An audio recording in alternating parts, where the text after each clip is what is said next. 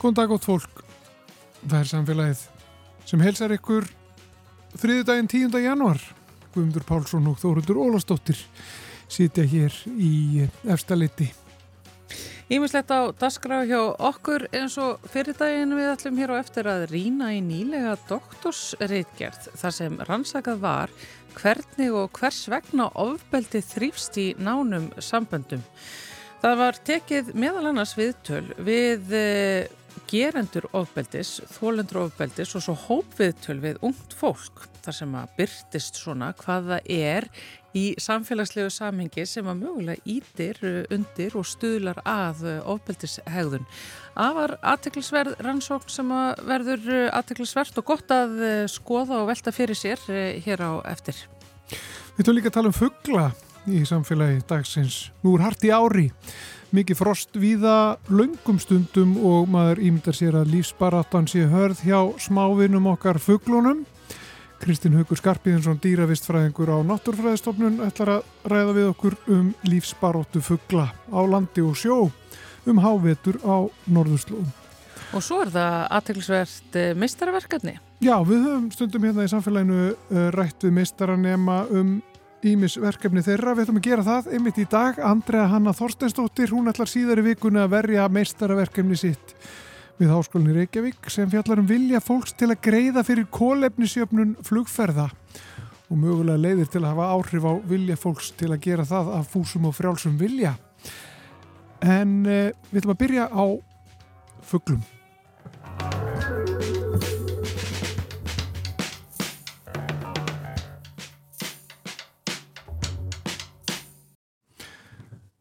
Það er hart í ári, það er frost og það hafa verið langir kaplar þar sem hefur verið mjög kallt og stundum eru við mynd á það að uh, muna eftir, já við erum mynd á smáfuglana já, já. og við erum beðin vinsalegast um að sinna þeim. Að sinna þeim. En oftur þörf er nú nöðsinn. Já. það er kuldakæfli framöndan en annar. Já, einmitt. E, og uh, við fórum að velta fyrir okkur bara hvernig staðan er hjá, hjá fugglum. Mér finnst ótrúlegt að það er lefið af. Já, þér finnst það. Já. Og hvað segir sérfræðingurum? Kristinn Haugur Skarpíðinsson er sestur hérna hjá okkur. Værstu velkominn til okkar. Já, takk fyrir. Já, þeir... er, er sérstaklega hart í ári núna? Já, ég náttúrulega, desember er eitt kaldasti í langan tíma og nóvember eitt sá mildasti þannig að það hefur náttúrulega voru mikil viðbriði fyrir fólk og, og fuggla þegar það kolnaði núna en þetta er náttúrulega gerst margsins áður og, og þeir fuggla sem eru hérna yfir háveturinn eru flestir aðalaðir ykkur slíku. Þannig að það er svona ekki sérstök ástæði til að örvænta fyrir, fyrir nefna kannski undatekningar tilvík svona það er að sé að fuggla sem eiga ekki að vera hérna kannski sem þeirra svona hjálpaði mig yfir erfiðasta hjallan og það eru sumir fuggla sem að semst, eða fari ekki af einsum ástæðum en þó að flestir þeirra meðbaraðir að fara og það eru kannski eins og skóaþrestir og leisfuglar sem, sem lifa hérna kannski í skjóli mannsistaldið og, og þykja velgjafir Já, en sko þegar ég um þetta segja, ég skil eiginlega ekki hvernig þið lifið þetta af gera þeir það? Vist, eru þeir ekki bara að frjósa í helgregin og, og, og hreinja bara niður í umverfum? Já, það, það kemur náttúrulega einstaklega fyrir að það verði svona, svona hret en, en yfirlt eru þessi, sko, þessi vetrakvöldar eru ekki eins alvarlegri eins og vorhret til dæmis. Það er að segja, þegar fugglar eru hérna nýkomnir kannski örþreyttir eftir langt flög og það eru jarbönni eða, eða eitthvað en það verða þá, það er þá sem er hinja niður oft í unnvörpum og það hefur gerst hvað eftir annað, sko, þá að það kannski hérna menn muni ekki eins mikið eftir því en, en svona þessir, þessar vetrarhörkur eru yfirleitt bara svona það sem að flestir geta, fugglar geta búist í og hafa aðlæða stað en, en það er svo óveinlu eins og sumarrétt eins og þeirra rjúpan, rjúpan hrundi niður núna í sumar til dæmis vegna, vegna leiðenda veðus og svoleiðis, það eru hlutir kannski sem hafa meiri áhrif því Kanski heimskuli spurningin, er þetta svona pínulítið eins og með hrossin? Að ef það er þurft að þá má vera kallt, er það eins með fugglana? Já, það er svona kannski góð, góð samlíking, það er maður að segja sko að hérna svona umhleipingar yfirlt eru ekki, ekki góður og það eru, til dæmis að það skiptist á svona frost og þýður og svo leiðist, það, það eru svona kannski, þannig að, allt, að svona stöðuleiki í öllu er náttúrulega bestu til lengdar. Já. Við erum mynd á að að gefa smáfuglunum. Og, og það er alltaf náttúrulega á vetuna sem eru mynd á það og, margt fólk sem gerir það er mynd e, það er í þéttbíli sko, og, og það eru náttúrulega margir fuglar í þéttbíli þessir, þessir, um, þú nefndi skoðaþrast og svona sem maður sér á vetuna í, í þeppili og svo eru starrar sem maður sér líka og ímsir, ímsa fugglategundir um, hvað með sko fuggla sem eru ekki í þeppili þeir eru líka margir. Jú, jú, það er reyndar sko þessi hefð að gefa fugglunum, hún er nú mjög gömul og hérna náttúrulega menn þekki þetta máltæki guðuröðina fyrir hrafninu og það menn voru að gauka eitthvað hrafninu hérna áður fyrir með aldir og, og sama var til dæmis með þessu snjótillinga. Þeir hérna menn hent út móðið þeir eru búin að sópa gardan, hent út móðið það sem voru eitthvað fræð þannig. Þannig að þetta er, menn voru að fóra fugglar svona á sinn hérna hvað var sinn hérna lítilmótlega hátt eins og þau gáttu þannig í gamla daga þegar lítið var til skiptana en fugglarnir sem eru sem stekki þéttbíli þeir eru náttúrulega sko getur við sagt lifa bara á því sem að náttúrann færi þeim og, og hérna það eru svo sem fjör og strandfuglar þeir eru að geta hérna bottýr eða, eða fjörudýr og svo framvís og svo náttúrulega eru náttúrulega hundruð þúsund eða miljónu fuglar hérna að geta fisk hérna, hérna skant frá strandurlansis og, og, og alveg norður í norður í, já, norður eins og langt og höfða verið opinn, það eru svona fuglar hér um allt, allt í kringu landið. Og það eru fuglar, sjófuglar sem eru, og á vetuna þá bara eru þeir á sjó, Já. meir og minna það er alveg. Alveg, það eru náttúrulega sumartegundi sem eru bara sjófuglarnir bara rétt yfir blá vartíman og við tökum dæmi svo fugl sem har ekki þekki eins og fíl, hann er hérna sko fílar frá Íslandi, þeir geta verið sko eitthvað í opnu hafi opnu norðurísa við að þeir geta verið eitthvað kringu breytlasegi, þeir fara mjög langar vegalendir og er að, er að eldu bæti þannig að það eru Og við fáum líka fugglar norðanað eins og hérna einn minnsti sjófugglinni hérna sem kemur stundum hér í hópum þegar að Rekstæl Áland heitir Haftirill, hann er ekki reyna á starfið svona skóaþröst og, og hann er, hann er lifir á, á bara svifi aðalega sem hann hérna nærist á hér í, um, í Norðurhöfum og, og er að Íslandi er svona viðlega við Suðumörk útbyrjuslands. Það er mjög fallega fuggl, svona þippin. Hann er þippin og hann er með lítið svona stuttan og, og hérna og nippin gogg og menn halda þess að það fæ að gefa mér honum eitthvað, eitthvað fræ held þetta sé fræ Já, en það er maður á að gefa það er eitthvað, það er eitthvað mjög svona feitt spörfuglalegt við hann Annars eru sko náttúrulega svona í, sko eru fugglar svona aðlagaðir svona eins og kulda eins og það er eftir sem að norðadregur á, á nettinu þá eru fugglar hlutvarslega stærri eða þess að það eru sambarilega tegundir þess að og, og ameríski skallörnin hann er miklu, bara pínlítild í Flórida og mjög stóri norður í Alaska þannig að, þannig að sömu tegundir það er verða stærri og, og svo verða útlima minni líka hlutfarslega til að spara uh, hérna hitta útgeislu þannig að það eru nýmsar svona almenna aðlæðinni sem að dýr hafa að, að því að lifa í erfuð umhverfi Já. Já. Sko eins og til dæmis þessir e, litlu vinnir sem eru hérna hjá okkur í, í þjættbílinu e, sko aftur líkingin við rossin fara þeir í svona vetrarham að því að þeir, þeir virka loðnari er það bara að því að þeir ífa sig eða hætta þeir að reyta sig eða hva, hvers vegna eru þeir einhvern veginn þess að þeir séu svo óupnir á veturna? Já, það er náttúrulega Það er einmitt þetta sko að menn sagja eftir sko þegar hann lýsa einhverjum fuggli sko það er eina sem er tókað það er mjög feitur. Og það er einmitt þegar ífa fjæðiröðnur og verða eins og, eins og kúla þá það er svona algeng viðbröð í kuldum og ofta reynda þegar fugglar eru veikir þá verða þær ífaðir mjög fyrir. Þannig að, þannig að það er auðvitað hérna sko til að eh, fugglar skiptum búningar svo rjúpan sem er nú kannski ekki aðlöðun til að að hitabreitingum heldur fyrst og nefnst að það bara snjór og hún er dilst betur fólkvarm og svoleiðis og þannig að það er mikið slíkum breytingum. En, en margi fugglar eru svona oft ljósar á veturna, það kemur fyrir og hérna og, og hérna og svona og þannig að en ég held að svona yfirleitt eru, eru fugglarnir svona frekar að svona kannski að, að sapni í sarpin eins og það stendur eða sömur, sömur sem huglar hinnlega að sapna fýtu en það er yfirlt ekki, ekki mikið um það. Svo, það er yfirlt að verða að hafa greiðan aðganga fæðu, það eru einstakar fuglar sem geta soltið bara kannski dögum í hálfu vikun saman, þess er það ránfuglar sem að veiða kannski bara eitt feita fugl og lifa honum í halva mánuð en svo eru aðri fuglar sem verða bara stöðugt að, að næra sig sko, annars, annars hérna halda þær ekki nægilega miklu hitt á sér. Og það eru sko ef þú ert að geta eitthvað á dýraríkjunu þá þarftu yfirlt að vera að geta nokkuð svona reglulega. En, og fræhætturnar er þannig ekki eins og mikil orka í fræhjónu sko þannig að þeir, þegar þurfallir þessi fugla hafa meira að minna aðgangað daglir í fæði getur við sagt, svona langt flestir sko. En sko eigum við að gefa þeim, er það gott? Að þeir eru ekki líka sko að venja þú af bara því að vera náttúruvanir og draga þá inn á svæði sem að eru kannski ekkert endilega fyrir þá, þéttbílu okkar mannana með allri umferð og, og köttum og, og gluggum eh, sem að, hérna, eru skadlegir þessum elskum. Jú, þetta er aldrei skemmtilega, skemmtilega heimsbyggilega vanguverður sko, náttúrulega eins og menn vita eru öll göðverk, maður gerur það fyrir sjálfan sig sko, maður líður betur og það er held í botnin það sem er að gera sko, en, en það eru hérna vissulega ákveðna tegundi sem njóta góðs af, af fæðugjum og nefndi nú skóaþresti og og svo er hérna frændan svartröstunni sem er nú hérna vaksandi í þétt bíl, hann á reyndar auðveldar með að bjerga sér, hann er stærri og auðveldar með að mhm. róta upp í, í, beðum og fleira, en, en hérna og svo eru náttúrulega tegundir eins og til dæmis eins og auðnutildingu sem er fræðið það kemur fyrir að, að það er bara bregst fræfællið, það er náttúrulega sko, hann er, ég sér að það eru svona byrki frææta en og þá er náttúrulega maður að segja sko að hérna, þá er verið að hjálpa, hjálpa fugglánum í þeim tilfellum en það er erfitt að fóra heilan fugglastofn á landsvísu en þannig það er, það er hægt að réttlega svona og svo, svo, og svo hérna, hérna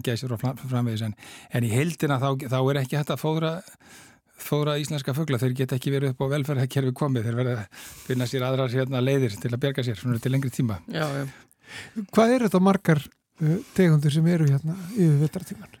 Það, já, það eru svona, við erum nú, ég mitt að þessa dagan er verið að telja fuggla, það eru svo kallar hérna, vetrafuglatalningar í gangi þannig að, og, og það eru búin að vera, það er nú 70 ár núna sem, þessi áramót sem að það er að staðið og það er nú vita svona nokkur deginn hvaða tegundi sjást hérna, það eru að jafna þeirra sjást hérna um 80 tegundi fuggla hverju ári, eða um, um þetta leiti og það er náttúrulega, svona helmingurinn eru svona kannski eiginlegir vetrafugla, hitt eru kannski það sem eru nokkri fulltrúar viðkomandi tegundir eða þá flækingar, þannig að það eru ótrúlega margar tegundir sem geta að lifa hérna að veturinn og sjást hérna að jafna þeir. Sko. Þetta er alveg ótrúlega fjöldi, 80 tegundir. Og það er að sést flestar að held ég um 90 sko tegundir og kannski einstaklega egna tímanbili. Sko það er nú ekki hægt að segja að það sé fábreytninni fyrir að fara hér ef við vetra tíman. Þú veist, þegar þú segir þessa tölu, þetta er bara heljar enn hellingur. Jú, jú, það er enda svona, ef, ef við tökum eitthvað svona eitt svæði sko, til og með það sem eru kannski, menn skipta nú svona strandlenginu í svona nokkra kilometra kabla og þannig að það hafa sést uppundi 40 tegundur og einu svona talningasvæði sko, það er að segja Þannig það eru auðvitað mjög fjölbreytt sko en hérna en að jafnaði er þetta nú miklu minna sem er að sjá kannski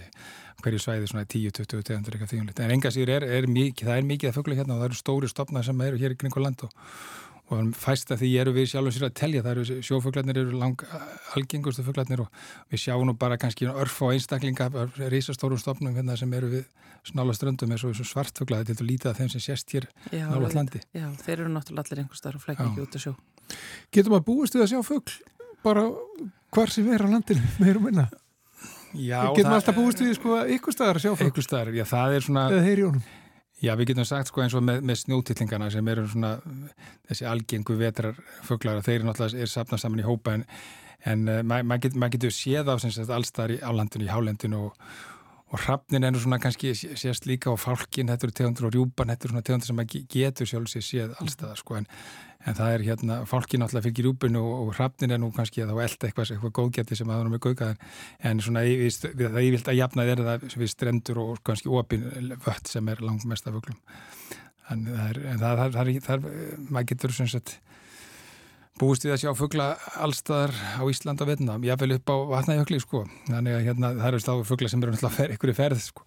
Já, um, Já maður hefur alveg hirt af því. Hva, Hvaða fuggla væri það? Já, það er nú kannski á vorin til dæmis, ég var nú einu svona hérna í snjó, snjóbílaferð hérna fyrir 35 árum og þá þá var ég mitt hérna Ísþoka og svo myndaðist smá svona gat og þá var það rossakakahópur sem kom og það settist þarna við, við snjókbíluna, 30 huglar sko, þannig að það eru, það er þeir leggja leið sína um, um svona óbyggilega slóðir svona kannski, en vilja helst ekki stoppa eða þurfu ekki að stoppa. Já, mm. þá líka einhverjar sem voru á leðinu på Kvannadalsnjúk eh, snemma voru og það var einhver máategund sem að mætti þeim á tóknum. Jó, eða, það, er, það er náttúrulega svona þannig að það er, þeir eru, þeir eru alls þar þessi, þessi grei sko þannig að hérna Já. og svo náttúrulega er sko eins og, eins og núna þegar sko það að sko fóðra fuggla þú hérna þú náttúrulega nærðir miklu nærðir heldur en ella þeir eru þeir, hérna þú getur þessum landið eins og auðnutinga ég og lóanum á þeir mm.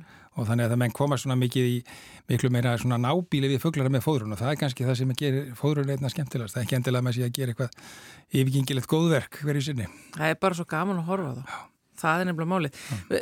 Tókuð eftir hérna, ákveðinu tísku sem að byrjaði hérna, fyrir hérna, nokkrum áru síðan að það að, það er náttúrulega mikið tekið til að jóla hefðum íslendinga að gefa fugglunum og þetta er einhvern veginn, fólk byrti gerðna myndir af þessu á, á, á samfélagsmeilum og það eru sumir sem lögðu sér sagt í snjóin fyrir framann húsið sitt e, fugglakortnið e, gerðu orðið jól og síðan komu fugglarnir og myndiðu orðið jól. Og þann, það var svona jóla hverja fjölskylduna ég sá alveg svona 8-10 svona myndir bara á samfélagsmeilum núna fyrir jólin. Já, já, þetta er, þetta er einmitt hérna, þeir eru Náttúrulega þessi fugglar sem eru í Rísa hópunum þegar það getur skrifað langa setningar Gleðileg jól og farsaskóta Þú ert eða vatnar eða starri garð Jólakort Er, er uh, tæknin að breyta miklu fyrir ykkur sem eru að fylgjast með fugglum? Já, það er nú hérna svona, það er óhætt að segja það sko, það eru hérna, nú eru ímins konar rafend að tækja hjálp okkur að fylgjast með fugglum bæði tæki segja oft sem eru sett á fuggla eða þá eða þeir eru kannski myndaðir en allar nú eru svo margi með gríðalega góðar ljósmyndavílar þannig að það eru bara mörgusunni betri fugglamyndi tekna núna bara að Pétur og Páli heldur um voru fyrir 20 árum ja. þannig að það er alveg stóru ekki stóraugin gæði og mennir að, að bara þá að skrá kannski sjálfgeða fuggla sem að menn hefði ekki gert ella og, og síðan er náttúrulega það sem verður hengja á fugglana, það eru rafendatækni sendi, senditæki ímiskona sem er mjög fullkominn þannig að það er þetta að fylgja svona í, í smáatriðu með, með heimilislífi og hérna fuggla og jável kannski já, árun saman því þannig byrjundir. Bráðum munum við vita allt um þá. Já, myndavilar og reyðrum stundum líka. Jú, myndavilar og reyðrum og, hérna svo náttúrulega er það sem ekki verið gert hér að það er mennir að setja myndavilar á fugglana. Það er bara, það er skrá, þetta er eins og hérna GoPro-vila sem er ganga um og hérna, já, já. þannig þeir skrá bara allt sem þeir gera. Sko, þannig að það eru aldrei hérna fróðlegar upptöku. en er margt sem að kemur óvart eins og þeir eru fylgis með ferðum uh, fuggla sem að hafa verið mertir? Er margt sem að, já, svona undarfæri hefur bara menn er átt að segja bara á einhverju nýjum? Jú, það er náttúrulega hérna, sko, til dæmis bara, menn til skamstíma vissu, menn ekki svona hvar sumir fuggla voru á vetuna og, og bara með því að setja tækja á svona staðsendingatækja fuggla þá var, var bara ljósi og það er, það er sjálf og sér er bara kannski eitt fuggla eftir, sem, ein tegund eftir sem er nú sjálfgef, þórsanir sem við vitum kannski ekki nákvæmlega hver, en, en það þóttu merk, kannski merk tíðindi þegar uppvitað að óðinsanar, þeir, þeir fara til Peru íslenski róðinsennar. Þeir fljúa sérst niður með ströndum Norður-Ameríku, fara svo yfir Panamæði og eru á sjónum vestur af Peru á veitna. Og þetta eru sérst íslenski auðnutilling, það fyrir ekki hérna, óðinsennar ásand skorskum óðinsunum, en, en þeir norsku, þeir fljúa til Persaflóa. Þannig þetta eru svona Þetta kom, já, já kom mörgum ávart og það er á meðal mér. það, það, það er ekki langt síðan þetta uppgötaðist til dæmis. En eru, eru fugglar, einmitt þessu sjófugglar, eru þeir kannski að leta langt yfir skamt líka? Já, já, sumir sko, það er, hérna, það er einhver mástæðan þá til að fara í allir lundatin okkar til, um, já, mjög fæður ykkar slóðir hérna, Djórsbanka og viðar hérna við Nýfendaland og, en við fáum eins og norska lundistæðin, þannig að þeir eru svona eins og landmannsmenninni sko, þeir hérna hafa eitthvað að töga til landsins, en, en síðan eru hérna eru sko eins og til dæmis eru, eru sjófuglar sem að verðast hafa náttúrulega öll heimsi svöf til að velja úr. En einhverjum ástæðan þá sapnast þið saman kannski á mjög litla staði. Það er eins og það er tegund sem heitir skrofa sem er verpir í hólum í Vestmannheim að, að stórluti af, af þessum skrofustofnum er bara í einum flóa þarna auðvitað með Argentínu. Já. þannig að það eru svona já, þetta eru hluti sem maður svona veltir vöngum yfir en, hérna, en eiga, eiga sér náttúrulega einhverja svona lífræðilega skýringa þegar menn gáða betur að. Jáhá. Núna startið við talningar segiru á fugglatalningar og ert þú tilbúin, ert þú Já, bara ég, á leiðinu? Já, ég fyrir á nokkur svæði sko, við, ég er nú ekki búin með allt mitt sko, það, verið, það var nákvæmt við í síðustu vika en svo var leiðinda við það verið að vera svona sæmileg því að maður setja ekki með telefisjóin sæmilegt viður svona til sem sé ekki að marketa þannig að það er, en við erum búin að fá núna eh, allavega um þrýðungin af tellingaskíslunum þannig að ég býst við að þetta getur klára svona í næstu viku, þetta er yfir svona tveggja vikna prósess, þannig að menn, það er því núna talað um yfir 200 svæðum þannig að sem menn reyna þá að gera á sama hátt ára eftir ár þannig að þetta bera saman viðstöðunar og fá einhverjar vísitölur þannig að, að þetta er svona, þetta er mjög náttúrulega skemmtileg vinna í sjálf og sér að vera hérna að vera í, að telja fuggla á þessum tíma þó að þessi hávetur, það er svo margt sem að sem maður sér og er skemmtilegt já, og, og er þetta víða? Þú nefndir um, strendunar aðan? Já, það eru náttúrulega, já, það eru sko menn telja náttúrulega það, eh, við strendunar og svo er hérna við ára og svo telja það eru það er bara laungheð fyrir því að bara bændur hafa talið í kringum bæinsinn, það eru nokkri slíkir ennþá sem fara að ganga eitthvað rundt í kringum bæinsinn og, og koma við á einhverjum stöðum, þannig að eru, þetta eru semst, fyrst og fremst almenningur sem er að sem er hérna verkið, er svona vísindi með þáttöku elminning sem er eins og það gerast best sko. Og getur fólk verið með, tekið það? Já, það er nú yfirlt þannig að við látum fólk gráðbyðja til að fá að taka þátt í þess að hérna, við erum vissum að við haldi áfram þannig að það er svona, það er eiginlega úthaldið sem skiptir að máli og svo náttúrulega koma sem við setjum skemmtuna líka sko. Við ætlum að ljúka þessu svona uh, Kristinn Haugur Skarpiðinsson uh, takk fyrir komuna í, í samfélagið Já, takk. Bara gaman að, að fræðast um fuggla og ekki koma tómum kofanum hjá þér frekara fyrir daginn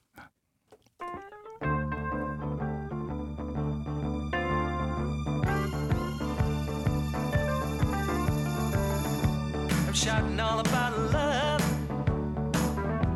While they cheated you like a dog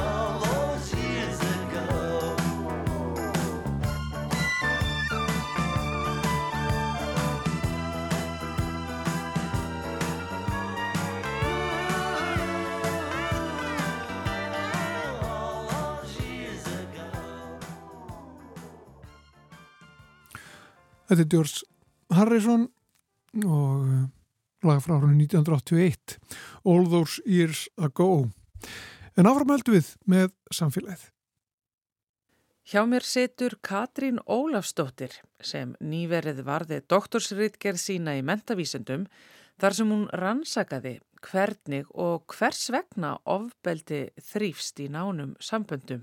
Sælverstu Katrín. Sæl.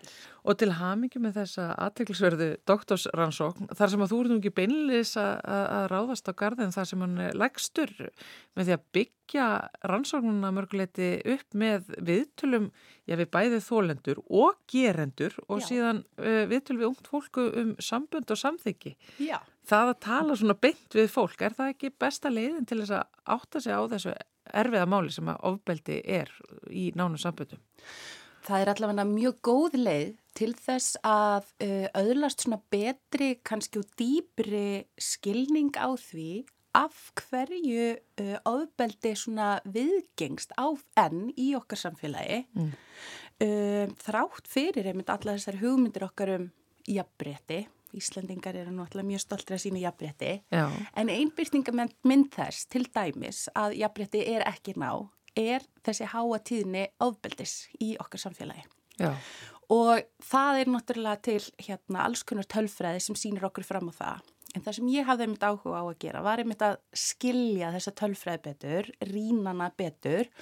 Og þá tekum maður aðra aðferðafræði og einmitt dembi sér í viðtölinn og reynir svona, eða, eða það var allavega mitt markmið að reyna að skilja sín viðmælenda minna til eh, annars verð eigin verka þá í, í tengslu við hérna gerenduna og síðan þá þegar ég var að tala við unga fólkið og þólendurna þá var það einmitt svona þeirra upplifun af jafnbrettis hugmyndum í okkar samfélagi og hvernig þau tengdu það við jafnbrettis hugmyndir. Já, já. Hvaða möguleika þau sjá í sinni stöðu? Þú veist, hvað get ég gert í aðstæðunum? Mm -hmm. um, eins og til dæmis, við tökum sem dæmi unga fólkið og, og hérna, þar, þar vorum við svolítið mikið að tala um, sem sagt, sambönd og áhrif þess hvernig strákar og stelpur eiga að haga sér. Það er svona þessar samfélagslegar hug, hugmyndir um það hvernig við eigum að haga okkur Nákvæmlega, í samböndum. Já, já. Þannig ég var svona svolítið að spurja sko uh, þessa hérna einstaklinga út í það hvernig þau annars vegar sæju fyrir sér sambönd og svo hins vegar hvernig þau höguðu sér í sambandi þá fyrst og fremst í tengslu við það að stunda kynlif. Og þá uh, er það alveg skýrt að unga fólki okkar er fær fræðslu, allavega einhver fræðslu um það til dæmis að samþykki sé mjög mikilvægt. En hins vegar er kannski hinliðin og peningnum, það er það sem er svo áhugavert, er að þegar þú ert svo komin inn í e, sagt, einhverjar aðstæður þar sem að það er komið að því kannski stundakillif með, með hérna kærastanum, kærustinni eða, eða, eða, eða hvað sem það er, að e, þá taka yfir svona viðteknar hugmyndir um það strákarnir eigi að taka fyrsta skrefið og stelpan eigi svolítið svona láta leiða sig áfram, hún megi ekki vera of áköf en hún ja. þarf samt líka aðeins að vilja það ja. og að, að það sé í þessu samhengi svolítið erfitt að setja þú veist, þrár og langanir sínar í kynferðslegu samhengi í orð Já. þannig að þetta, það er allt, allt þessi óerti skilaboð og saman tíma erum við að tala um hérna ungt fólk sem er kannski að stunda kynli í fyrsta skipti og hefur yngar gríðlega reynslu. Já, er stíga sín fyrstu skref og þetta Já. er allt svo klöfulegt og vandræðilegt og erfið. Já. Líka. Akkurat, þetta er þannig að líka, sko. Þannig að, að þau svolítið svona festast þarna og mittið þessara kannski svona tveggja hugmynda annars vegar að þeim finnst jafnbreytti gríðarlega mikilvægt. Þau eru bara alin upp við jafnbrettis hugmyndir eins og við öll hér á Íslandi í dag kannski. Og þetta er ungt fólk líka. Þetta, þetta er ungt fólk. Já. Ég var að tala við einstaklingar sem voru átján ára. Já, þú ert að tala við Súmera og Millennials, eða ekki? Jú, jú, jú, jú, akkurat, akkurat. Og hérna, uh, og svo sko á saman tíma þá, þá hérna, þó að þau sjá alveg í gegnum kannski þessar hugmyndir um það að það sé hérna kannski svolítið skrítið að ætlast til þess bara að strákanir takki fyrsta skrefið og að stelpuna megi til dæmis ekki láta kynferðslega langan ásakanir í ljós því að þá séu þær álitnar jafnvel druslur eða vilja þá mikið eða eitthvað sleið. Og þau vita þetta en samt sem áður þá geta þau í ákveðnum aðstæðum ekki barist gegn þessum hugmyndum því að félagsmótinu er svo sterk, mm. það er svo ríkt í okkur að vilja gangast upp í þessum hugmyndum Já. og líka vegna þess að við gerum það ekki þá tökum við áhættu. Ef að strákur grýpur ekki tækifæri til að stunda kynlíf og hér er ég náttúrulega að tala um þetta unga fólk ef þau grýp ekki tækifæri til að stunda kynlíf þá er kannski einhver á kantinum, einhver félagi, einhver sem tekur eftir þessu sem að byrja að gaggrína. Býtu, þú hafði tækifærið stund að kynlega og þú grefst það ekki. Hva, hvað er að þér? Þá er ferð að gera lítið úr kannski hans karlmennsku og það er óþægilegt og það vill hann ekki. Að hann gerir það ekki. Og það sama þá með, með hérna, stúlkur í svipuðum aðeins, en það er, það er ekki ætlast til þess að uh, þær vilji það of mikið. Því að þá eru þær áleitnar uh, kynferðislega of virkar og það er ekki attraktíft í samfélagslegum skilningi, nei, nei, en þá vilja þær ekki láta of mikið til kynna að þær raunverulega séu mjög viljöður á stunda þetta kynli. Þannig að það byrjar þessi einhvers konar leikur að eldast við einhver fyrirframgefin hlutverk um það hvernig við eigum að hafa okkur jafnvel þótt að þessi krakkar á sama tíma viti bara allt um jafnbryttsmál og, og telli bara jafnbrytti mjög mikilvægt upplýst, vilju til þess að skoða þessi mál og vera inn í þeim og, en Já, það bara og það bara eitthvað næri ekki gegn þarna. Félagsmótunin er svo sterk. Félagsmótunin er nefnilega miklu, miklu sterkari heldur en við nokkuð tíman held ég gerum okkur grein fyrir og það er líka rosalega áhugavert ef við hugsaum þetta út fyrir að því ég kem náttúrulega líka inn í þetta frá sko mentavístunum mm -hmm. að þá er líka svo áhugavert að pæla í því að þau eru greinlega búin að fá þarna fræðslu um jafnbrettismál en þau hafa að samanskapi ekki fengi, fengi næla fræðslu um félagsmótun og einn ángi af félagsmótun er náttúrulega bara þetta um hvernig við ætlumst til þess að ólíkir hópar hægi sér og, og beri sig að og svo framvegi sér ákveðnum uh, aðstæðum. Sko Katrín, hún náttúrulega talar þarna um og ræðir við ungt fólk og, og, og um sambund og samþyggi og, og hvernig félagsmótunin eh, flækist fyrir þeim mm. þar eh, og einhvern veginn tekur yfir jafnbrettis hugsununa sem að þau vilja hins var halda mikið í heiðri almennt. Eh, það er annar hópur þarna sem að, mér langar alveg sérstaklega að rýna í að þú ert að tala við gerendur ofbeldis Já. sem að er hópur sem að ég þekki bara sem fjölmjölumanneska sem að lætur ekki ná í sig Nei. sem að e, vill ekki tala Nei. og segja frá sjálf sér og, og hvaða er sem að mögulega rekur þá til ofbeldis hegðunar mm -hmm. vissulega að mörguleiti skilinlegt þetta er e, hérna hegðun sem að er e, litið mjög niður á mm -hmm. þetta eru þeir eru sagður vera skrimsli, ræðilegir menn Já þannig að þeir vilja kannski ekki tala, svo, tala um þetta eða nei. hvað þá horfast í augu við þetta. Nei, en þú talar við veist, fólk sem að beitra ofbeldi í þessari rannsóknarverkefniðinu Já og það var svona náttúrulega aðal fókusin í rauninni í þessu verkefni voru einstaklingar sem að hafa beitt ofbeldi, þar segir gerundur ofbeldis í nánum sambundum og ég ákvað að halda fókus á karlkinsgerundur uh, svona til að afmarka hópin og ég náttúrulega var bara svo ótrúlega heppin að finna góða einstaklinga sem voru viljur að hjálpa mér að finna viðmælendur og fann svo þessa eh, einstaklinga sem voru tilbúin að treysta mér fyrir sínum sögum. Og náttúrulega fyrir alla svona rannsóknir, við erum náttúrulega að reyna, veist, ég er að reyna að breyta samfélaginu, ég er að reyna að auka vittneski okkar um kynferðisofbeldi, um ofbeldi í sambundum og svo framvegis. Og það að það séu einstaklingar þarna úti sem hafi treyst mér fyrir sinni sögu er algjörlega magnað mm -hmm. og ég er þeim ótrúlega þakklátt því að án þessara frásagna náttúrulega læru við ekkert. Nei, nei. þannig að þetta er greiðilega mikilvægt. Um, það er kannski líka öðruvísi að koma fram og tala við fjölmeila fólk heldur en að tala við rannsakanda þar sem þú getur einmitt taldið algjöru nafleysi og, og, og, og hérna. Og það er náttúrulega kostur við að vinna mín megin sko í, í, í þessi málaflokk.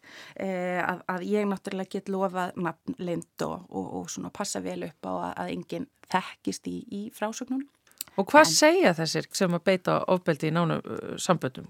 Sko, ég náttúrulega var, sko, var uh, minn fókus var á sjálfsmyndina. Já. Það er að segja hvernig upplifa þessir einstaklingar sjálfa sig og sín verk í tengslum við þá einmitt svona hugmyndur um það hvernig gerendur eru. Af því eins og þú nefndir réttilega, sko við sjáum gerendur almennt í samfélagslegri umræðu sem skrimsli. Já. Það er okkar hugmynd, sko, og skrimslið sem að beitir ofbeldi í sambandi það er sko, það er ekki manneskja. Já. það hefur, er, er bara sagt, hefur lélegt siðferði. Það er að brjóta gegn samfélagslega viðurkendum hugmyndum um til dæmis jafnrétti og það við beitum ekki hugm, hérna, ofbeldi í, í sambundum og aftur við beitum sérstaklega ekki konur ofbeldi, það er líka mjög mikið og stórt tabú já, já, í jafnrétti samfélaginu sko. þannig að, að einstaklingar sem að, að síðan gerast sekir um slíkt ofbeldi þeir eru þá spyrtir saman við eitthvað, einhverja veru sem við kallum skrimsli Já. og þetta er náttúrulega bara svo ótrúlega erfið svona erfiður flokkur að lenda í, erfitt boks að festast í fyrir gerundur, þannig að fæstir vilja stíga inn í það, þeir vilja náttúrulega ekki fara ánga viljandi. Já. Þess vegna er öll skrýmsleg hugmyndin svo skadleg fyrir alla umræðu um, um ofbeldi sem á borð við þetta. Vegna þess að um leið og við erum búin að búa til eitthvað svartkvitt, þú veist annarkur gerandi eða ekki gerandi, þá erum við búin að búa til kassa sem er svo ferkantaður og svo yfirþyrmand og stóru mikill að, að hérna annarkvort vilja gerendur ekki fara inn í hann eða þá ef uppum þá reynilega kemst þá fara þeir þanga inn þegar festast þeir komast ekki tilbaka. Þá er, eigum við líka á hættu á að einstaklingar uh, í rauninu frekar fórherðist heldur en kjósi að velja einhverja leið til betrunar. Já, nákvæmlega, því að það er engin leið tilbaka úr bóksinu. Það er engin leið tilbaka úr bóksinu, þú ert algjörlega fastur í þessum kassa. Samfélagi búið ákveða, eh, einu sinni ofbeldiskerandi alltaf og, og, veist, og eða lík... skrýmslega verður að eilíf og myndi aldrei nokkuð tíma hætta því. Akkurat, og það er hér sem að sko, það sem að mér fannst svo ótrúlega áhugavert í öllum þessum rannsóknum uh, og öllu því sem ég er búin að vera að lesa og skoða og gera, er sko að, þú veist, þetta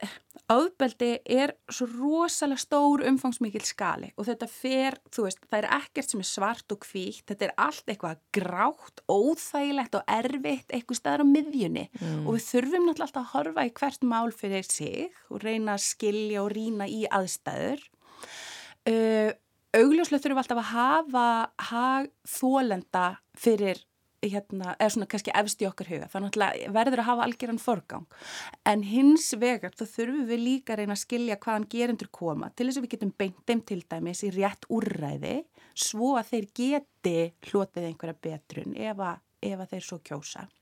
Sem er náttúrulega sem við viljum. Við viljum að, að það sé einhver möguleiki fyrir gerendur að taka ábyrð á sínum verkum og einhvern veginn komast í eitthvað bataferli E, það sem er síðan svo flóki hér er náttúrulega að við búum á mjög litlu landi og það að leita sér aðstóðar getur líka verið eitthvað sem að ofinberar eitthvað um þig sem einstakling sem þú vilt ekki að aðri viti.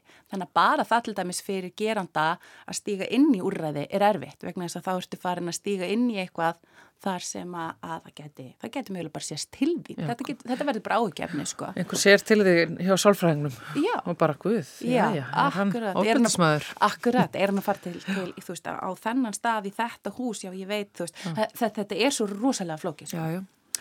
En félagsmótunin er líka þarna rosalega sterk og rosalega áhugaverð. Hjá gerandum. Hjá Hvernig gerandum. þá? Þarna sem sagt sá ég svona merki þess og þetta er eitthvað sem að mér langar að kafa miklu betur í. Nei, e, já, kafa betur í. Um, sko, til ég næ kannski, ef við horfum út frá svona samfélagsleiri stöðu gerenda, þá næ ég, eh, náði ég tali af sem sagt tíu einstaklingum sem hafa, hafa ólíka stöðu í samfélaginu uh, en það er til dæmis líka ákveðin þögn í gögnunum. Það er að segja ég náði ekki viðmælendum úr efstu stegum samfélagsins.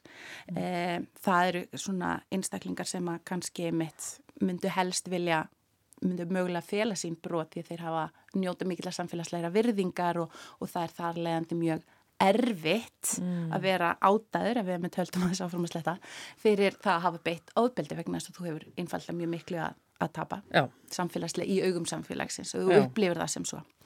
Mínir viðmælendur voru svona, þú veist, þetta eru ólíkir, ólíkir einstaklingar. Uh, sumir hafa háskólamöndin, sumir hafa bara lokið grunnskólaprófi, sumir kom úr bænum, sumir kom utan að landi. Þú veist, það eru alls konar þættir sem að spila inn í.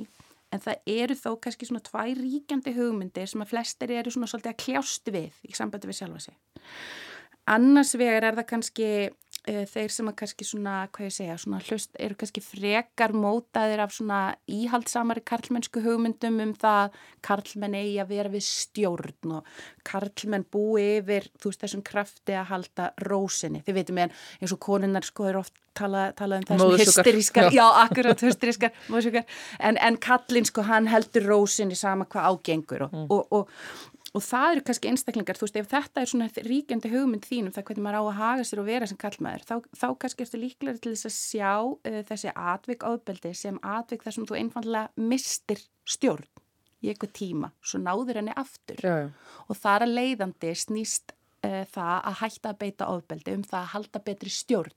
Já, og þarna líka oft verður, á, verður þar leiðandi erfitt að, að bera ábyrð á reyðinni að missa stjórninu vegna þess að hún er kannski einhverju öðru að kenna er eitthvað já. sem að varð til þess að þú misti stjórn já, já. Og, og þar myndi þú veist kannski úrvinnslan snúast um það að reyna að átta sig á því að það er ekki öðrum að kenna að þú misti stjórn heldur þú einfallega misti stjórn og þú þarft að, að e, byrja ábyrð á því og reyna að læra að missa ekki stjórn þannig að það er með þessi hugmyndum að, að karlmaðurinn sé einhvern meginn þessi rólegi einstaklingur sem haldi alltaf rósinni og, og sé einhvern meginn með þetta svolítið. Já, nema þegar einhver egnir hann til þess að... Já, akkurat, akkurat. Reytir hann til reyði. Reytir hann til reyði og þá, þú veist, og þá er þetta oft líka svona pínu svona réttlátt reyði, sko. Já, já, já. Þannig að, þú veist, þetta, verður gríðilega flóki. En svo erum við með sko hýna sem eru einmitt kannski miklu meira að berjast við einmitt jafnbyrjastishugmyndina. Eh, þetta er kannski einstaklingar sem að hafa aðeins meiri ment mentun uh, og, og hérna eru svona, hvað er að segja, þú veist, eru áhuga eða þú veist, þeir telja sig einstaklega vel uh, lesna og upplýsta um jafnbrettismálinn sem þýðir það að þegar þeir svo uh, einmitt, beita ofbeldi þá verður svo mikið svona misræmi á milli þessum að þeir upplifa sjálf og sig vera, góða stráka sem skilja jafnbretti, vilja einhvern megin, þú veist, að byggja samfélag þar sem áðbeldi er, er, er upprætt og svo framvegis.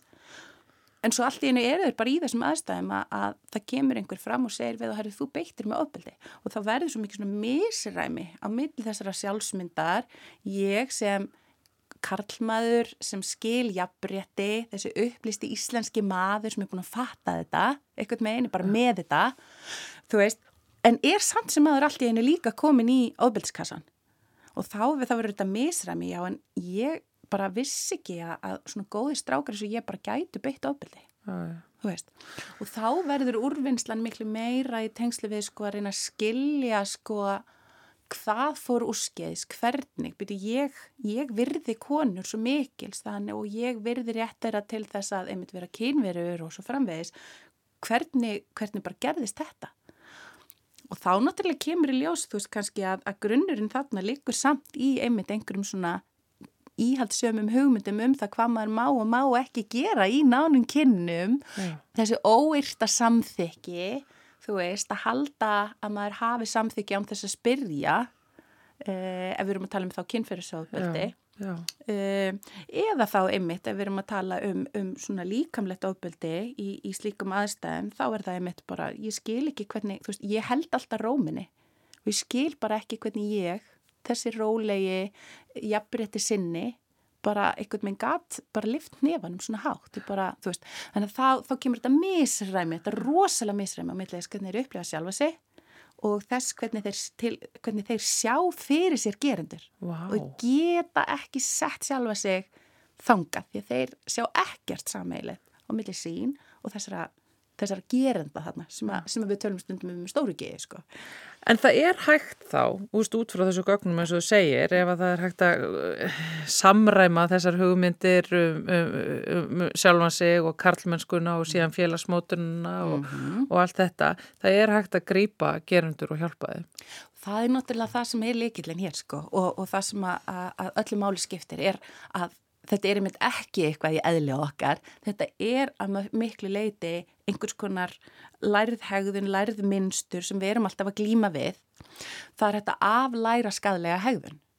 Þannig að ef við leitum okkur aðstóðar með okkar hegðun sem við erum í vandræðu með, eigum í erfileikum með, erum að missa stjórn á, uh, þá er hægt að hjálpa okkur að læra einhvers konar tækni, aðferðir til þess að einfallega bet, hafa betri stjórn en samhliða því kannski þessi er mitt samtals meðferð þar sem við erum bara að ræða jafnbrettis hugmyndir, kyngerfis hugmyndir og reyna einhvern meina að samræma allar þessar hugmyndir.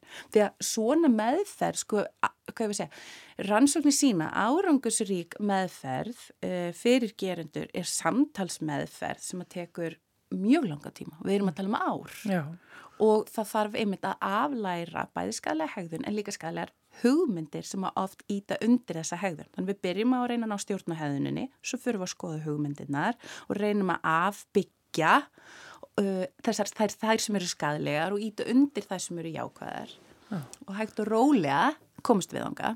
En svo er líka annað í þessu og það er við vitum það líka með allar, uh, með öll svona ingreip að því fyrr sem við grípum einstaklinga þeim mun líklæra erða að þeir nái bata. Og þá getur ímyndaðir til dæmis að einstaklingur sem hefur brotið að sér einu sinni ef við grípum hann strax. Já. Það er bara mjög líklegt að hann brjóti aldrei af sér aftur, fái hann rétta aðstóð. En einstaklingur sem er búin að brjóta af sér tíu sinum, töttuðu sinum, þú veist, er, er ítrykkað til dæmis kannski að beita uh, áðbeldi í mörgum ólíkum sambundum. Þú veist, það er orðið miklu erfiðar að meðhandla. Hmm. Uh, ekki ómögulegt, en það er miklu erfiðara. En ég segi þetta til að leggja áherslu á það að það er svo mikilvægt að við grípum strax inn í. Og morgun hér í samfélaginu ætlum við um þetta að ræða við sérfræðing sem er að vinna með úrræði fyrir gerundur og óbeldis í nánum sambundum. En það er allavega eitthvað sem að þessi rannsókn þín er svo gott innleg í að, að fáum þetta, skoða þetta hvað liggur þarna bakvið og einmitt eh, að sjá að þetta fólk er til og þetta fólk vil hjálp og getur fengið hjálp. Akkurat og það er kannski líka líkladrið, þau vilja hjálp. Uh, og, og við þurfum einhvern megin að opna samfélagslega umræðu þannig að gerendur geti stíði fram þið veitu, ég er ekki að tala um að stíga fram óbyrgur heldur, eitthvað meina að stíga fram til þess að taka raunverulega ábyrð á sínum gjörðum og rannsóknir sína líka það er það sem að flestir þólendur vilja, það er að segja þeir viður kenningu á að það hafi verið brotið á þeim. Þannig að við erum að hjálpa þólendum að fá viður kenningu á sínum brotum, þá er þetta svona líka Og þarf að hjálpa gerundum. Það þarf að hjálpa gerundum. Katrín Ólafsdóttir, takk hérlega fyrir að koma að hinga í samfélagi. Við höldum áfram með þessu umræði í þættinum á morgun til hamingi með doktorsreitgerðina. Já, takk fyrir.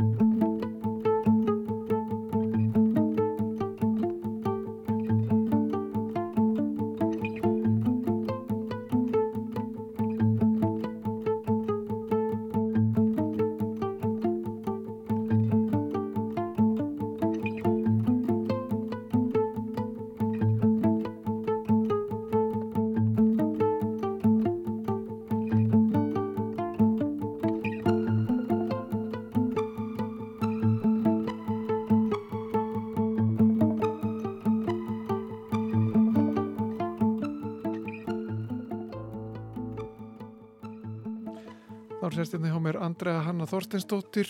Hún eh, ætlar að verja uh, verkefni sitt til meistaragráðu í rekstrarverkfræði við háskólan í Reykjavík síðar í þessari viku.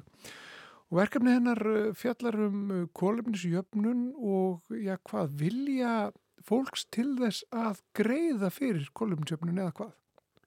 Já, ég syns að gerði meginlega rannsókn sem snýri að því að finna hver vilji fólks væri til að greiða fyrir kólefnisjöfnun og þá líka út frá því að skoða hvernig mætti auka vilja fólks til að greiða fyrir kólefnisjöfnun. Mm -hmm. Og hvernig, hvernig fórstu nú að þessu og af hverju ert að velta þessu fyrir þér?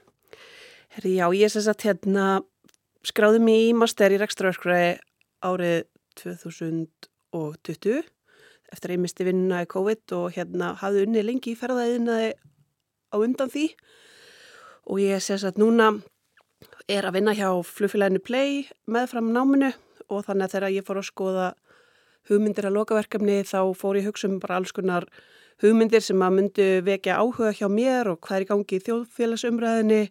Ég sá að hérna, orð ársins árið 2019 bæði hjá Ríkisúðvarpinu og stofnun Árna Magnússonar var hamfara hlínun þannig að þetta hefði verið svona mál sem að hefði verið mikið í þjóðfélagsumræðinni og auðvitað mikið búið að tala um kólefni slutleysi samkvæmt Parísasáttmálunum sem á að nást árið 2050 og ég fór svona að ræða við samstarfsfélaga sem var að vinna hjá Play í sjálfbarnimálum sem var komið alls konar frábara umræðu punta og út frá því fór ég aðeins að spá í hérna kólumlegisjöfnun og át af því að fólk segist vera miklu viljur að til þess heldur en það er í raun og veru. Og hérna það voru alls konar atriði sem ég var svona velta fyrir mér af hverju fólk myndi segja það en myndi ekki gera það. Væri það út af því að það er ekki til íslenskar vottar kóluminseiningar eða er það út af því að það finnst það ekki þeirra ábyrð eða alls konar þættir sem að getur komið þar inn þannig þess að fór ég að skoða þetta og markmiði var sagt, að kanna vilja fólks til að borga fyrir kóluminsjöfnun og þá hvernig maður auka vilja þess en já eins og ég var að segja þá segir stór hluti fólks vera tilbúin til þess að kólumni jafna flugið sitt en svo er aðeins 1-3% sem að gera það í raun og veru. Jáhá, og, og þú, ert, þarna, þú ert bara að skoða náttúrulega flug í, í, í þessu samingi? Já, bara flug. En hvernig fór þessi, þessi rannsók svo fram? Hva, hva, þú, þú laði spurningar fyrir hóp fólks, eða ekki? Jú, ég að notaðist við meginlega rannsók þar sem að var gerð spurningakönnun með 25 spurningum þar sem að reynd var að sannreina skoðanir svarenda en þá voru þessi spurningar flestar með svar, fimm svarmöguleika með fullirningum sem voru settar fram og þetta er auðvitað gott tól til þess að sapna gögnum frá fólki og spá fyrir um almenningsálit og til þess að reyna að lækka brott hlutfalli þá var reynd að hafa sem fæsta spurningar án þess að hafa áhrif á gæði út af því að auðvitað nennir fólk ekki að svara allt á laungum spurningakönnum Þannig að hérna, svo var þessu drift á mismundi hópa á samfélagsmiðlum beð einlendum og erlendum til að reyna að fá sem fullbreytast ann hóp svarenda. Og að hverju komstu nú í þessari, þessari rannsókn? Fólk er tilbúið til þess að greiða fyrir kolumnisjöfnun ekki satt en fáur gera það? Sko á heldina liti þá voru svöri mín alveg velhæfnuð og ég fekk góð svörun og hérna ætti kannski mögulega að gefa ykkur vísbyndingum álit almennings en stór hluti svaranda eða 63% voru upprinnur á Íslandi sem kannski getur gefið okkur ykkur að niðurstöður fyrir allana ykkur hluta íslensku þjóðarinnar en það var alveg áhugavert hérna í svörunum mínum að þá var fólk ekki jafn viljugt til að kólumnisefni flugu inn sín eins og ég hafði lesið aðra rannsóknir um. En það sem ég svona fór að hugsa hvort það geti verið út af því að Íslandi er lítið leia og það er erfitt fyrir fólk að sjá hvaða Ísland getur gert í stóra samhenginu, hvort að það hefur áhrif. En fólk virðist telja sig vita mikið um loftlagsbreytingar og segjast hugsa um þær í dælum aðtöfnum og flestir telja það að vera sína eigin ábyrð að minka í kólefnisspor og er að gera ímsar aðgeri til þess eins og lappa meira, flokkar rusl og annars konar. En það eru fáir sem telja Ísland vera valdir loftlagsbreytinga og telja land, landið sérst Ísland get ekki haft stórvæli áhrif á loftlagsbreytingar og fólk verðist ekki verið að reyna að takmarka flugferði sínar og ég fekk stort brottfall þegar þessi spurning kom, þetta verðist að hafa trublað fólk og hérna... Býtu við, fólk, fólk er ekki reyðubúið til þess að, að hætta að fljúa eða, eða draga úr flugferð? Nei, það var mjög hátt brottfall við þessa spurningu og hérna... Og það þýðir bara að fólk vildi ekki svara eða hvað? Já, og bara kannski var pyrrað og bara ég nenni ekki svara þessu bylli og hérna og að held áfram með tíman sinni í eitthvað annað og af þeim sem svöruðu voru líka mjög margir sem sögðust ekki vera að reyna að takmarka flugferði sínar og þetta er það kannski líka erfitt þegar við búum á landi þar sem að þú auðvitað verður að fljúa í flestum tilfellum. Þeir sem að svöruðu voru líka hérna neikvæðir fyrir því hvar þeir ættu að vilja kólefnisjafna. Þeir, veist, vilja bara almennt ekki kólefnisjafna og ég spurði líka myndur vilja gera það á flugfélagi eða öðrum fyrirtækjum sem að eru að sérhæfa sig í að selja vottar kólefniseiningar og fólk var bara frekar neikvætt í þann garð og ég spurði líka hvað fólk var í reyðbúið að borga fyrir kólefnisjöfnun og flestir svöruðu annarkort í dálkin annað sem að, og skrifuðu þá bara 0 krónur, eða já, 0 dólar, var með í dólarum og svo var bara mjög stór hluti svaranda sem segi 0-10 dólarar sem er alveg hægt að gera ráð fyrir að þau meini bara 0 og vilja ekki borga neitt fyrir kólumnsjöfnun svona út frá svörunum sem ég fekk. Jáhá, en ef, ef við veltum þá fyrir okkur bara flugfélagunum og ábyrð þeirra, er, er, er getur verið að viðhorfi sé það að flugfélugin eigi þá frekar að, að greiða fyrir uh, kolminsjöfnun og, og axla ábyrð á þessari mengun sem fylgir uh, þessum, þessar starfsemi? Já, það er alltaf stór spurning og örgulega margir sem eru þeirra skoðunar en flugreikundum er skilt að afla losunheimilda vegna losuna koldioksið og eru að borga kólumnisjöfnun fyrir flugferðina sínar samkvæmt reglugerðum og þar af eru mörgflugfélög að reyna að axla ábyrð og er að vinna í því að bæta rekstur sinn, er að sína samfélagslega ábyrð og er að reyna að minga umhverfis áhrif til dæmis með nýri velaflota og reyna að minga alla losun sem þeir geta. En svo eru þetta bara Evrópusambandi að taka stór skrefi að draga úr útblæstri og hérna það eru í samstarfi við aðra þjóðir og er að skapa stefnu sem muni hafa áhrif á heimsvísu Þar má nefna til dæmis skref franskara yfirvalda sem er að banna innanlandsflug frá Orli til þryggja borga og munu að öllum líkindum banna flug sem er hægt að ferðast með lest á innan við 2,5 tíma. Og það er alls konar svona aðgeri sem eru í gangi en þá er hérna einmitt erfitt að sjá fyrir ef að þetta er áleitt fólks að það eigi ekki greiða fyrir þetta.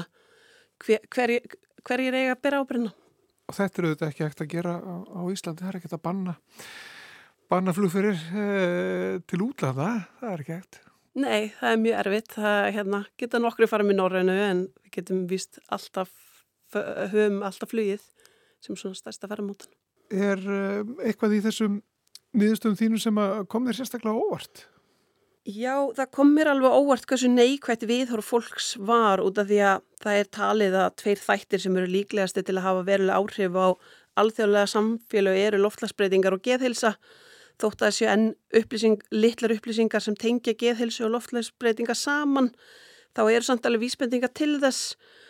Og hérna alltaf flug hefur áhrif á hvað 3% af heldarkólefnislósun og það gert ráð fyrir að farþega fjöldi muni markvaldast á næstu árum en það gert ráð fyrir 10 biljón farþega árið 2050 sem ger það verkum að sangkvæmt alþjóðlega flugmálastofnunni í ATA þá þarf cirka 8% flugfarþega að kólefnisjafna flugin sín til þess að ná kólefnislutleysi.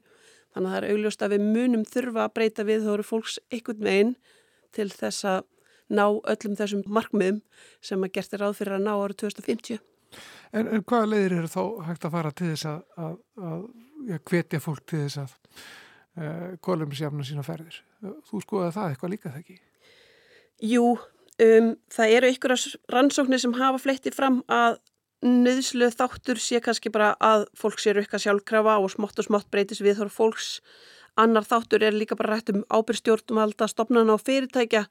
Til dæmis myndi hjálpa ef að ríki myndi styrkja fólefnisjöfnun flugferða starfsmanna þegar ferðast þarf vegna vinnu og þá mögulega smátt og smátt breytis við þóra fólks í engalífinu. Og hérna Við þór fólksangað þeim svörum sem ég fekk var að það hafði ekki áhuga á kólefnisjöfnun þannig ég held að þurfa að skoða frekar hvernig er þetta breyta því viðhorfi og þá kannski sálfræðilegar ástæður þess.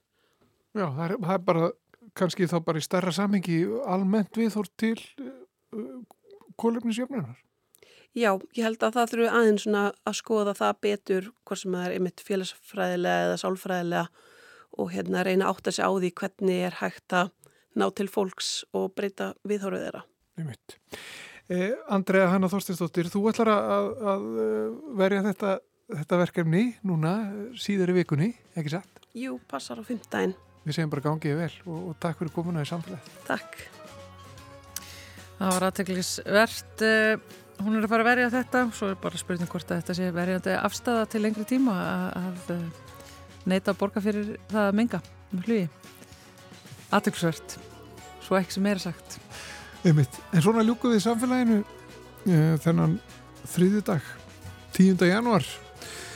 Guðmundur og Þórildur uh, þakka kærlega fyrir sig og við ætlum að vera hér aftur með ykkur á morgunna sjálfsögðu á sama tíma, millir klukkan 1 og 2. Veriði sæl.